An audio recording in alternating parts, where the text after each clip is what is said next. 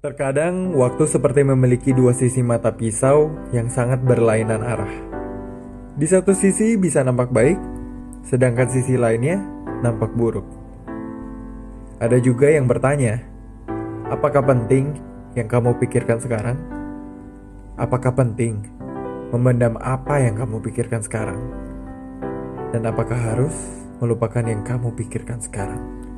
Jika diibaratkan, Hidup adalah seperti menaiki taksi, yang mana argonya akan terus berjalan. Tidak peduli apakah kamu sedang menuju ke satu tempat atau hanya terdiam. Tampaknya waktu terus berjalan dan semesta tidak sedang bercanda.